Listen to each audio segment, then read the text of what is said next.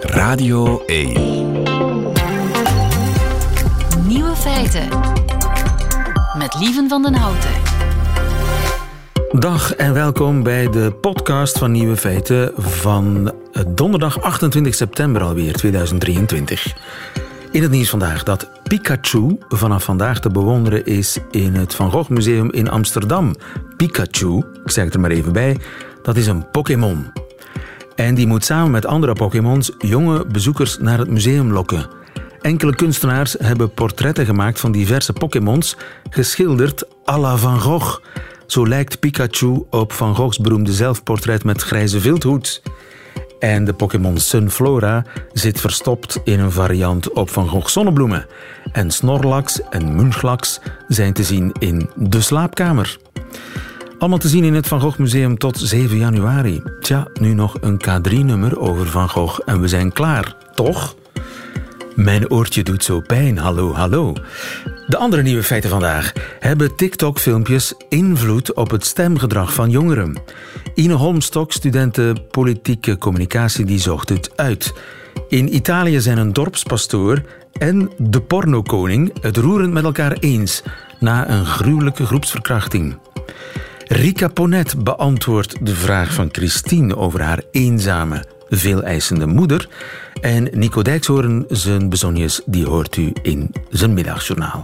Veel plezier.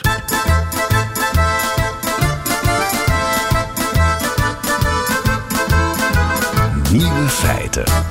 Een pastoor en een pornoster die het roerend met elkaar eens zijn, dat maak je niet elke dag mee. Zeker niet in het nogal conservatieve Italië. Maar vandaag is dat het geval. Ine Rooks, goedemiddag.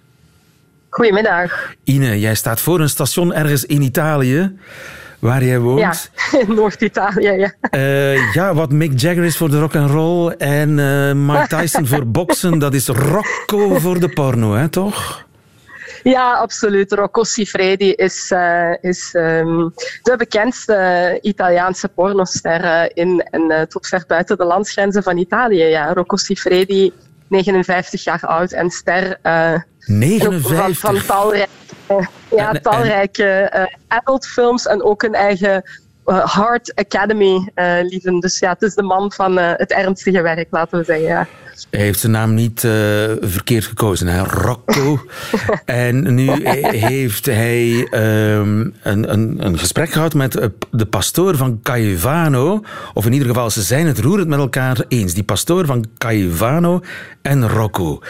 Uh, ja. wat, wat, is ja. er in Caivano gebeurd? Er is uh, in Caivano helaas ontzettend veel aan de hand. En dan vergaat je het lachen of de mopjes uh, over porno wel heel snel. Maar Rocco Siffredi en uh, Don uh, Patriciello, de, de wijkpastoor van Caivano, een, een achterstandsbuurt op een half uurtje rijden van Napels, het helemaal over eens zijn. Ik denk niet dat ze rechtstreeks met elkaar hebben contact gehad, maar ze hebben elkaars uitspraken beaamd, is dat porno heel gevaarlijk kan zijn voor erg jonge kinderen als er geen enkele filter op staat. Dus daarover waren ze het roerend eens. Rocco Siffredi zegt het is heel gevaarlijk om uh, seksuele educatie gewoon helemaal uh, te schrappen op school. Hè. Uh, ook wel een vrij actueel debat bij ons in België, lijkt me zo. En kinderen dan gewoon ja, als alternatief maar gewoon vrij en los op dat internet loslaten. Dat zei Rocco Siffredi die er aan toevoegde. als dit het model wordt voor kinderen, voor adolescenten, wat wij doen is entertainment en is pure fictie. Ik wil dat best wel gaan uitleggen op scholen in Italië. Dat echte iets helemaal anders is dan wat wij tonen in uh, pornofilms. En ik ben bereid om mijn eigen sites met een paywall af te schermen voor, voor minderjarigen als, als we dat beslissen.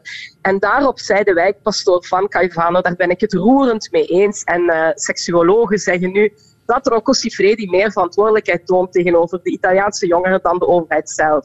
Waar het allemaal om draait, lieve, is om een verschrikkelijke groepsverkrachting. De tweede deze zomer al. Uh, eerst in Palermo uh, op Sicilië en dan in Caivano bij Napels. Van uh, erg jonge daders. In het geval van Caivano zelfs de meerderheid minderjarigen. 14 tot 16-jarigen. Tieners die tieners verkracht hebben, samen. Ja. ja. En Kinderen eigenlijk, zeg, zeg, zeg, maar. Want de meisjes in Caivano waren op het moment van de feiten 10 en 12. Dus ik weet niet of je dan zelfs al van tieners kan spreken. En zij hebben... Dat zijn echt heel jonge meisjes, ja. In sommige... Want dat is meerdere keren gebeurd, die groepsverkrachting. Mhm. En in sommige gevallen is die ook gefilmd en zelfs live uitgezonden. Ja, precies. Dus die feiten zijn allemaal nu mondjesmaat aan het licht uh, aan het komen. Ik was een tijdje terug naar Caivano gereisd. Ik heb daar ook, uh, ik mocht die mensen niet bij naam noemen, maar ben wel dicht bij het onderzoeksteam geraakt. Die zei dat dat allemaal ontzettend delicaat was. Ze moesten die jongeren ook nog traceren. Hè. Ze waren die bewijslast aan het verzamelen, want dat was als een lopend vuurtje rondgegaan dat die gsm's met de beelden, de chatconversaties ontzettend belastend zijn. Maar nu is dan de kogel door de kerk en hebben we dat ook mogen schrijven. Er zijn arrestaties verricht dinsdag. Uh, negen in totaal uh, voor Caivano, uh, waarbij slechts twee meerderjarigen, amper meerderjarig, 18 en 19-jarigen ongeveer. En de rest erg jonge minderjarigen, hè? dus jongens van 16, jongens van 15, van 14 en twee heel jonge meisjes die bedreigd werden met stokslagen, bedreigd werden met we gaan deze filmpjes aan de hele wereld tonen, we bellen met jouw papa, enzovoort. Ze waren doodsbang en het heeft vermoedelijk weken, zo niet enkele maanden geduurd. Ja. En de kans is groot dat die jongens inspiratie hebben gevonden in porno. Wel, wat, uh, wat, wat de pastoor zei, was dat voor de groepsverkrachting in Palermo, die kwam uh, in juli aan het licht, die gebeurde begin juli, daar zei een van de daders letterlijk, we waren met z'n zeven, zij was alleen, uh, bro, ik heb dit soort dingen alleen nog maar eerder in pornofilmpjes gezien, waarbij mhm. hij duidelijk refereerde aan uh, groepseks die uh, op porno vrij, op, op sites, op pornosites uiteraard vrij beschikbaar is, ook op gratis sites en zonder leeftijdsgrens. En daarop heeft dan pornoster Rocco Sifredi gereageerd en gezegd wat wij doen de ernstigere uh, pornoacteurs is helemaal niet dat soort dingen uh, met de bedoeling dat kinderen het zouden zien. Wij zijn adult entertainment. En daarop brak dan in Italië een vrij levendig debat los van uh, zijn we niet eigenlijk een beetje hypocriet bezig? Hè? We hebben een land met nog altijd een vrij conservatieve inborst en moraal. Uh, ik hoef je niet daarbij te vertellen dat dit uh, het land is met in het hart van de hoofdstad het Vaticaan, de hoofdzetel van de Rooms-Katholieke Kerk. Tegelijkertijd uh, doen we niet aan seksuele educatie. Helemaal en uit onderzoek. Ja, maar, maar in België en in Nederland ook steeds minder. Hè? En in Italië is het niet uh, bij de eindtermen inbegrepen en is het eigenlijk de individuele beslissing van elke school en elke schooldirectie om uh, er überhaupt iets aan te doen je vindt dat wel in bepaalde scholen. Ik sprak zo met een seksuologe die in en rond Milaan heel veel doet aan seksuele educatie. Maar ja, dat is Milaan. Dat is een andere wereld dan uh, Napels. Dat is een andere wereld dan Caivano. Ja, inderdaad. En dus dan komen kinderen, uh, worden daar, en zeker bij Caivano heb je nog ontzettend veel verzwarende omstandigheden. Het is het achterstandswijk, zoals we al zeiden. Het is een wijk met heel hoog aantal schoolverlaters, erg veel drugs georganiseerde criminaliteit. De Camorra is daar heer en meester. Dus je hebt daar een nog extra giftigere cocktail van heel veel dingen. Ja, en ook en die vroegtijdige seksualisering is daar één ding, ja, één en, ding van. Ja. En seks is ook geen onderwerp voor een beschaafde tafelconversatie hè, in Italië? Het blijft heel erg taboe. Um, ik zeg niet dat uh, we moeten er ook over waken om uh, te pretenderen dat dit alleen in slechtere milieus of sociaal-economisch moeilijkere situaties voor zou kunnen komen. Het komt ook zeker bij de bourgeoisie voor. Alleen heb je in Napels, in Caivano, specifiek in die wijk, ook uh, een aantal vreselijke pedofiliegevallen gehad, uh, liever een tiental jaar geleden. En vertelde een rechtbankexperte me daar, die de wijk erg goed kent, um, dat dit uh, ja, dat dit ook samenhangt met Caivano, met een heel vroege seksualisering van kinderen, waar de grens tussen, dat zij zei, hou je vast, volwassenen, adolescenten en kinderen, erg vaag kan worden en door elkaar loopt. Dus het is daar, met andere woorden, nog veel ernstiger dan, dan elders. Maar het is nooit een goed idee om kinderen niet in te lichten over gewone seks. Dringend nood aan uh, meer seksuele opvoeding, zeker in Italië, zeker uh, in het zuiden. Of dat er ook van komt, ja, dat blijft een open vraag. Ine Rooks in Italië, dankjewel. Goedemiddag. Graag gedaan. Nieuwe feiten. Radio 1. Om jongeren te bereiken gooien veel politici zich met verven op TikTok. Maar de vraag is, werkt dat ook? En het is precies die vraag die is uh, onderzocht door Ine. Goedemiddag, Ine Holmstok. Hallo. Wat een mooie naam, Holmstok. Dankjewel, dankjewel. Ben eigenlijk om Stockholm te zeggen. het lijkt erop. Maar goed, je bent masterstudent politieke communicatie aan de Universiteit van Antwerpen. En jij eh, trok naar middelbare scholen, vijfdejaars, zesdejaars, die leeftijd, 17, 18-jarigen, om te checken hoe een TikTok-filmpje hun stemgedrag zou beïnvloeden. Wel een heel interessante masterthesis onderwerp, moet ik zeggen. Dank u wel. Zijn die jongeren eigenlijk bezig met politiek? Um, absoluut niet. Dat was eigenlijk het, het eerste wat mij opviel. Uh, de, de desinteresse in politiek is vrij groot. De gemiddelde interesse is 3,7 op 10, uh, eh, gaven ze aan. En ze zijn er totaal niet mee bezig. Ik, ik verschoot mij ook een ongeluk toen ik in een klas kwam en, en ik hoorde... Ze kregen een filmpje te zien van Conor Rousseau en ik hoorde een leerling roepen door de klas is Conor Rousseau een politicus? En ja, ik werd meteen met mijn neus op de feiten gedrukt, maar de, de desinteresse is immens onder jongeren. Weten ze iets?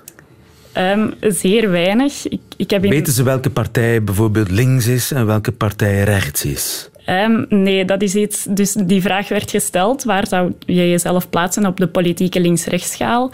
En anderzijds werd er ook gevraagd uh, voor welke partij zou je stemmen als het morgen verkiezingen zijn. En ik ben in bijna elke klas moeten gaan uitleggen wat politiek links en rechts was. En ik heb de, de tabel van de partijen gewoon niet kunnen gebruiken, omdat, omdat ze niet wisten uh, welke partij eigenlijk voor wat stond. Dus Na, naar welke scholen ben jij gegaan? ik heb ASO, TSO, BSO gedaan in vijf verschillende scholen. Dus de, een heel breed spectrum eigenlijk. En de, de desinteresse en de, de ja, kennis... Uh, ja, de, de, het, de weinige kennis was overal hetzelfde. In, ook, ook in het ASO, niet beter dan in het TSO? Nee, zeker niet. En uh, kijken ze dan nooit naar het journaal? Kijken ze niet in de krant? De, de, krant absoluut niet, dat kan ik wel vertellen. Maar ze, ze, volgen wel nieuws, maar voornamelijk via Instagram, via sociale media, via TikTok ook. En ook wel via nieuwsapps. Maar het, het, ik denk dat ze het, het ja, vermijden is misschien een raar woord. Dat heb ik natuurlijk ook niet zo nauw kunnen onderzoeken. Maar de, er is zeer weinig kennis over politiek. Nu zijn er bepaalde politici die zeer actief zijn hè? Op TikTok. Uh, Jos Daas bijvoorbeeld van de Partij van de Arbeid. Uh, Tom van Grieken, Vlaams Belang. Conor Rousseau ook.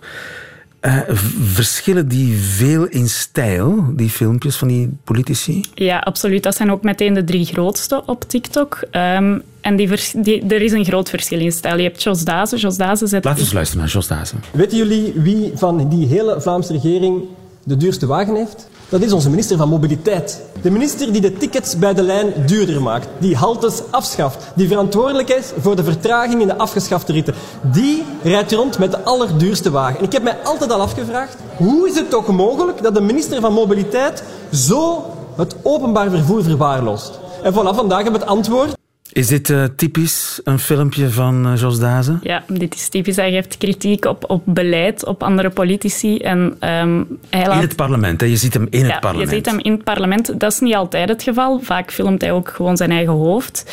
Um, maar hij geeft meestal kritiek op anderen, op het beleid. En um, heel kort, heel uh, contextloos, heel kort gewoon kritiek. En nooit het antwoord op die kritiek? Nee. Tom van Grieken. Ik ben absoluut tegenstander van een spreidingsplan. Dat is de oplossing van ons straat loopt onder water en we gaan het water in de kelders gelijk, gelijkwaardig verdelen. Iedereen ongelukkig. Zodat er overal, zodat er overal een stukje Je zou de dijkbreuk moeten stoppen. Daar begint het mee. Je moet, we hebben een plan voorgelegd, Fort Europa. De instroom moet gestopt worden. Ja, ongeveer even lang hè? Inderdaad. Dat zijn filmpjes van 20, 30 seconden maximum. Heel kort, heel contextloos ook. Bij Tom van Grieken zien we dan het, het verschil dat hij nog op, vaak op, hier nu niet, maar vaak op een veel groffere manier um, kritiek gaat uiten. In het filmpje dat ik liet zien bijvoorbeeld, start hij met um, socialist, chef of liberaal, corrupt zijn ze allemaal. Dus hij is Vaak ook in een interviewsetting. Ja. Nee? Voor zover ik... Uh, ik ben geen TikToker, fervente TikToker, maar ik zie hem toch vaak in... in dat is eigenlijk de stijl van Grieken, hè? Ja, van, ja en ook altijd over migratie of veiligheid. Zijn thema's zijn vrij beperkt tegenover een Jos Daze. Jos Daze kan, die gaat wel breder of zo. Die, die, en ook meerdere filmpjes uit het parlement, daar waar Tom van Grieken eigenlijk heel beperkt blijft. En, en, en Tom van Grieken zie je nooit in het parlement? heel af en toe, ja, heel zelden. Ja. Dat is een inhoudelijke keuze die zij gemaakt hebben. Dat is wel opvallend. Ja. Uh, Conor Rousseau, laten we daar eens naar luisteren. Mijn oma heeft heel haar leven voor mij een Sinterklaas gekocht. Maar wat als ik nu een keer voor haar een Sinterklaas kocht? Zijn jij braaf geweest van jaar precies, hè? Ja, ja, ik al braaf. Ja. Van een grote speculoos, alstublieft. Dank u wel, manneke. En een mandarijntje, alstublieft. En een toertje? Ja. Wilde jij uh, braaf zijn ook van de jaar? Ja, dat zal wel zien dat ik braaf Grappig filmpje wel. Conor Rousseau die nu eens een Sinterklaasgeschenk koopt voor zijn oma, omdat het vroeger altijd omgekeerd was.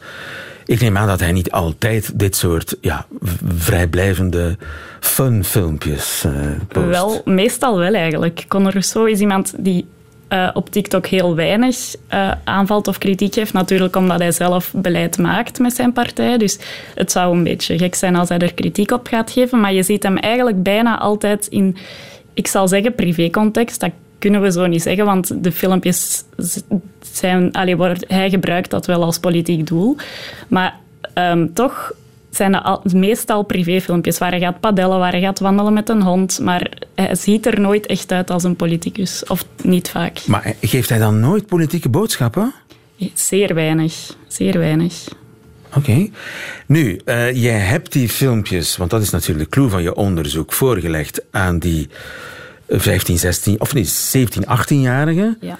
Met de vraag of ze na het zien van het filmpje meer of minder geneigd zouden zijn om voor de persoon in kwestie te stemmen. Ja, klopt. En wat blijkt? Um, wat blijkt bij Jos Daze is er een heel klein verschil, een kleine daling in stemintentie, um, maar die was niet significant. Daar waar die bij Tom van Grieken um, enorm gedaald is, enorm in statistische termen. Wat die is, is van uh, 5,2 naar 2,7 gegaan, dat is gemiddeld. halvering. Ja, dat is uh, toch wel een grote daling. En uh, bij Conor Rousseau is die dan weer erg gestegen, van 2,4 uh, naar 5. Een verdubbeling. Ja, en dat na, na, het zien van één filmpje. Dus dat is eigenlijk een, een heel allee, een vrij groot effect dat we toch merken bij Conor, uh, Conor Rousseau Ja. en Tom van Grieken. Ik, ik wil niks, geen afbreuk doen aan je onderzoek, maar het is natuurlijk een, een, ja, een masterproof. Ja, Het is een klein onderzoek. inderdaad. Dus oh, echt harde wetenschap is het nog niet, maar het is wel opvallend. Ja, het is inderdaad opvallend. Dit waren nu maar 190 studenten. En ik ben eigenlijk benieuwd wat er gebeurt als we meer filmpjes laten zien aan veel meer studenten. Want als in zo'n klein onderzoek al zo'n grote effecten te zien zijn, dan, dan vraag ik mij toch af wat dat de effecten zijn als je die op uh, een grotere, allee, met een grotere basis gaat. En heb je ook aan de jongeren gevraagd waarom ze uh, in het geval van Van Grieken um, na afloop minder geneigd waren, in het geval van Conor na afloop meer geneigd waren dat om heb, voor hem te stemmen? Uh, dat heb ik niet wetenschappelijk onderzocht, maar het, het, um, we kunnen dat eventueel, allee, zie ik wel linken aan die stijl in die filmpjes. Want uh, inderdaad, ik hoor in een leerling roepen, is Conor Rousseau een politicus? Als ze dan nog eens een filmpje zien van iemand die met een hond gaan, gaat wandelen, waar het totaal niet over politiek gaat, dan gaan ze daar waarschijnlijk wel anders naar kijken dan een Tom van Grieken die roept socialist, chef of liberaal. Corrupt ja. zijn ze allemaal. En die boodschap over veiligheid en migratie, komt die dan niet binnen bij 17, 18-jarigen? Um, ik heb dat, voor de duidelijkheid heb ik dat niet wetenschappelijk gecheckt, maar ik heb het gevoel dat, dat Tom van Grieken met migratie en veiligheid veel minder jongeren bereikt of veel minder jongeren aanspreekt dan bijvoorbeeld een Jos Dazen die het over thema's heeft die jongeren aanbelandt, zoals uh, openbaar vervoer, studiegeld, dingen die echt dicht bij jongeren liggen. En ik denk dat migratie en veiligheid thema's zijn die iets verder weg van jongeren liggen. Vooral van jongeren die totaal niet geïnteresseerd zijn in politiek. Ja, heb jij tips voor Petra de Sutter bijvoorbeeld, of Hilde Krevits? Um, ik, ik, zou heel, ik zou zeggen, ga allemaal op TikTok en, en roep zo luid mogelijk. Maar ethisch denk ik toch wel dat er iets meer aan de hand is. En zou ik liever zeggen van pas op, want met zo'n contextloze filmpjes en zo weinig interesse en kennis bij jongeren over politiek en zo'n effect van zo'n filmpjes denk ik dat het toch ethisch niet de juiste manier is om jongeren aan te spreken. Ja, wees voorzichtig. Voilà. Dankjewel, Ine Holmstok. Veel succes met je ja, diploma die je nu gaat halen hè, als uh, politiek uh, communicator. Dankjewel. En tot de volgende. Vraag het aan Rika.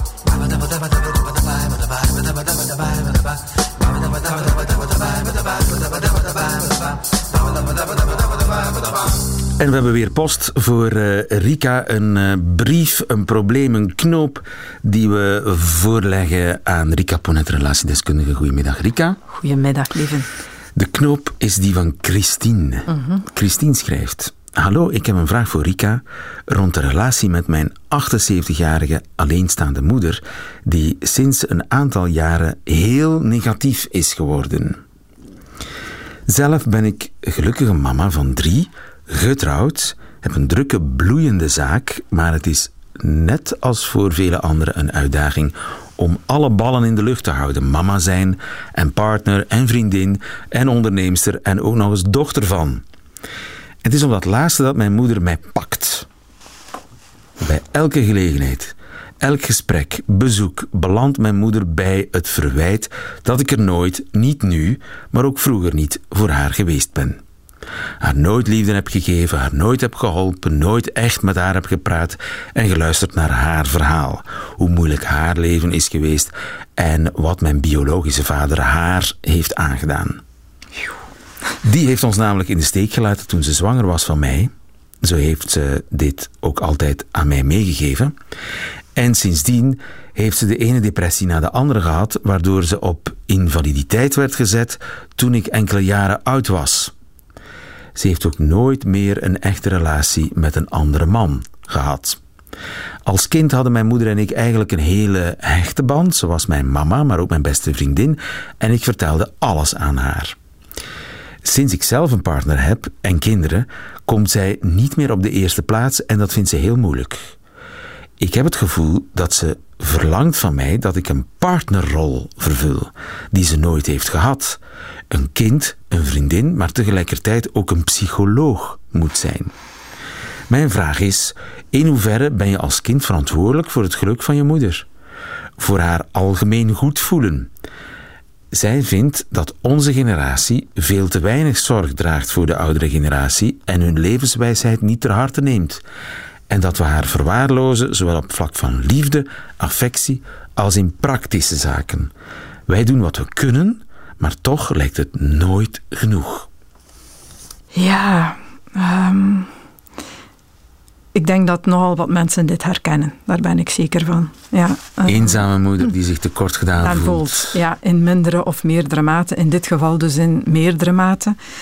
Uh, omdat het ook een voorgeschiedenis heeft waarin, of waaruit toch uh, vormen van, ik ga dan toch eens een psychologische term gebruiken, vormen van parentificatie spreekt. En wat wil dat zeggen? Parentificatie, Rika Ponet. uh, eigenlijk word je als kind um, dan ingezet om de noden, de behoeftes, de verlangens van je ouders, om daaraan tegemoet te komen. Hè, ten koste um, een stuk van je eigen ontwikkeling, hè, van je eigen autonomie, um, van jouw behoeftes. Hè. Je leert van datgene wat jij graag wil als kind, om dan een stuk opzij te schuiven uh, om je mama uh, gelukkig te maken. Dat kan als kind een daarom niet slecht gevoel genereren. Dat is ook wat ze aan heeft. We hadden een heel intieme band. Ze was mijn vriendin. Ik ben altijd al heel voorzichtig als mensen zeggen dat hun moeder een vriendin is. Waarom? Waarom ben je dan voorzichtig? Ja, een, een ouder-kindrelatie, ook op volwassen leeftijd, blijft een hiërarchische relatie. Ik vind een vriendschap is geen hiërarchische relatie. Het is een relatie waarin dat er gelijkwaardigheid zit. Uh, net zoals je dat ook hebt in een... Uh, dat is een horizontale relatie, zoals je dat ook hebt in een liefdesrelatie.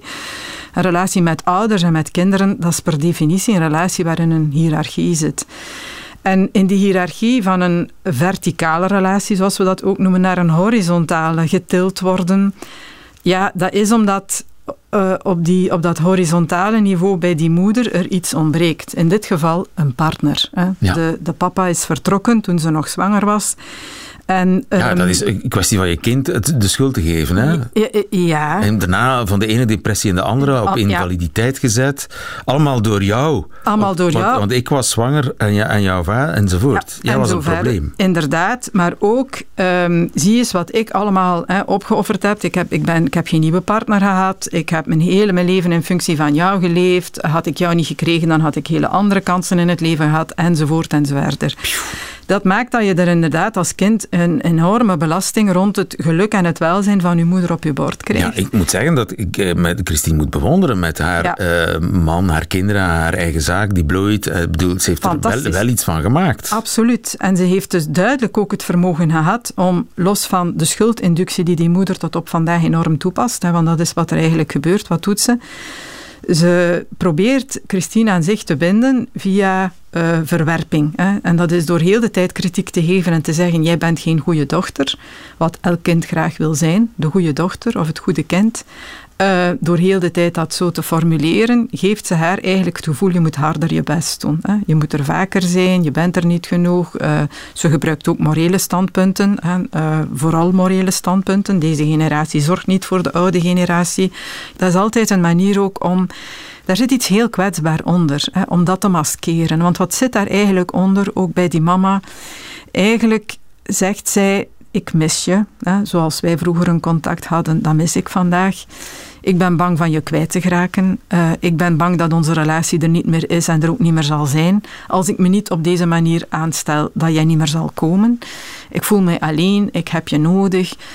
Dat zijn eigenlijk de, ja, de meer hoe zou ik het moeten zeggen? Um, het klinkt toch meer als een liefdevolle boodschap, zoiets, dan je doet het niet goed, uh, je bent er nooit, je komt te weinig, uh, enzovoort en zo verder ik denk dat Christine tot op vandaag probeert mee te gaan in die schuldinductie. Hè. Dat doen heel veel dochters, zonen van dit soort ouders. Hè. Dat is allemaal vaker je best doen, altijd weer slikken dat er kritiek is, toch blijven komen. Um, alles wat dat aan ongemak voor jezelf meebrengt, binnenhouden, er thuis is over zagen bij een partner of bij je kinderen, maar het zeker niet uiten hè, naar die ouder toe. Ik denk dat dat een eerste belangrijke stap is. Ze moet het zeggen. Durf authentiek te zijn, ja. En je kan dat doen door eerst te connecteren en dan, eh, zo gaat dat ook in opvoeding, hè, eerst connecteren, dan corrigeren. En hoe doe je dat dan? Door eerst aan te geven, mama, ik zie jou graag. Hè. Um, wij hebben altijd een goed contact gehad. Ik vind dat erg spijtig dat dat de laatste jaren op deze manier verloopt. Ik voel mij altijd afgewezen. Dat is heel pijnlijk. Um, ik ga blijven komen. Ik ben er voor jou. Hè. Ik laat jou niet in de steek, maar ik zou graag hebben dat je mij op een andere manier benadert dan de wijze waarop dat je dat vandaag doet. Kan het zijn dat ze daar afwijzing rond krijgt, rond die boodschap? Zeker, maar die krijgt ze nu ook. Hè. Ik denk dat het um, bijzonder belangrijk is om uh, zo authentiek mogelijk uiting te geven aan wat de wijze waarop het contact nu verloopt, uh, hoe dat dat voor haar uh, aanvoelt en binnenkomt. En dan uh, is de kans dat, dat er aan de andere kant toch ook een ander soort reactie komt. Uh, die is er altijd. Maar ga er ook vanuit, de mama die ik graag gehad had, ik ga die nooit hebben. Uh, dit is de mama die ik heb. En ik probeer te kijken naar wat haal ik daar wel uit.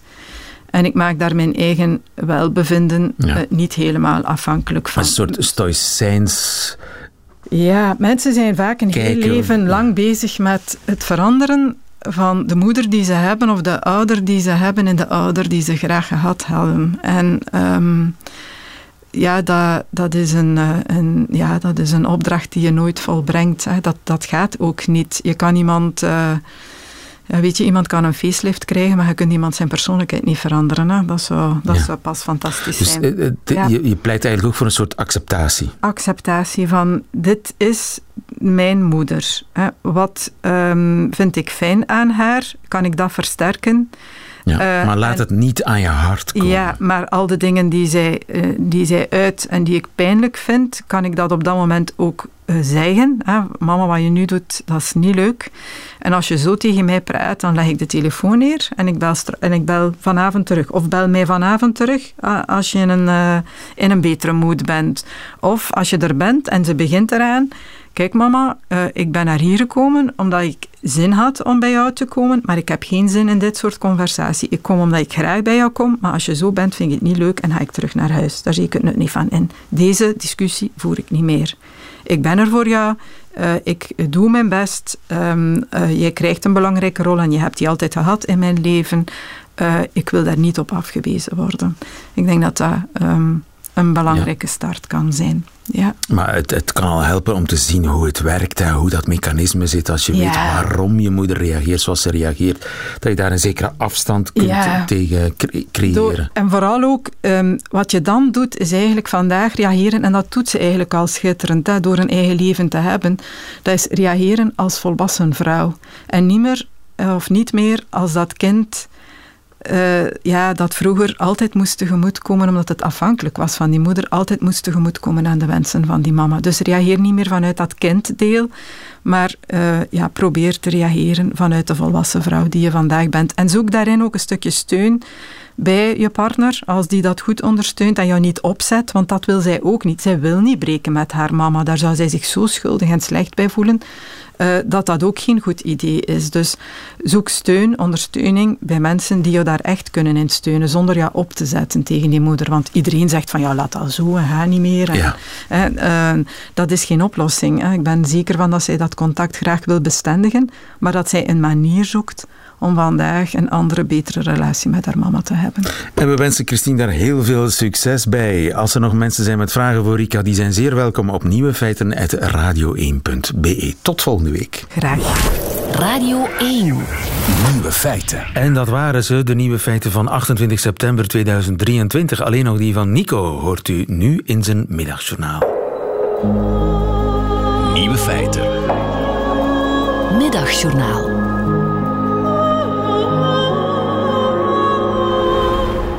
Beste luisteraars, ik denk de laatste tijd veel aan Lou Reed. Zijn live LP Rock'n'Roll Animal, dat was denk ik de tweede LP die ik zelf kocht.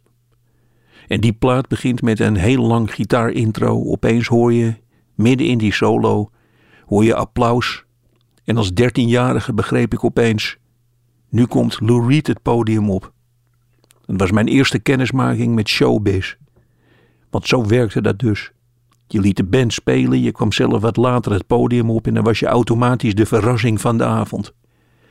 Eigenlijk was ik iets te jong voor Lou Reed. Ik heb tot mijn vijftiende bijvoorbeeld gedacht dat zijn liedje Heroin over een heldin ging. Er zaten allemaal fijne zinnetjes in die ik helemaal niet begreep. I wish that I was born a thousand years ago, dat had ik zelf helemaal niet. Maar aan de manier waarop Lou Reed het zong begreep ik dat hij het meende. Toen ik zijn LP Transformer kocht, met daarop zijn allergrootste hit Walk on the Wild Side, greep ik mijn kans. Oom Cor, en dat was de broer van mijn moeder, die kwam langs. Hij woonde in Canada.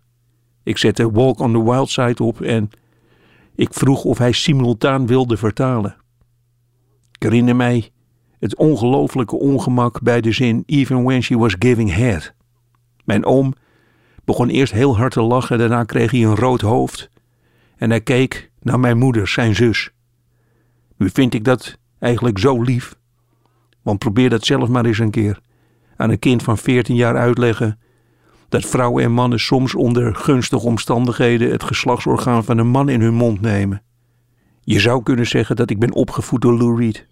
Hij bracht mij in aanraking met Andy Warhol. Hij woonde ergens in de jaren 70 samen met een transgender en hij legde in interviews steeds maar weer uit dat hij eigenlijk een schrijver was die per ongeluk muziek maakte. Zijn mooiste liedje vind ik Rock and Roll, waarin hij beschrijft hoe het leven van een zekere Jenny wordt gered omdat zij zich doodverveelt, een New Yorkse radiozender opzet en daarna voor het eerst danst op rock and roll music. En zo is dat bij mij ook gegaan. Door Lou Reed. Hij leerde mij dat mannen van elkaar kunnen houden, dat je kunt ontsnappen uit het huis van je ouders en dat iets later opkomen dan de andere bandleden meteen een held van je maakt. Door Lou Reed begreep ik dat er buiten die naar boerenkool ruikende flat in Amstelveen ook nog iets anders was. Ook mijn leven werd gered door rock and roll, maar dan wel gespeeld door Lou Reed.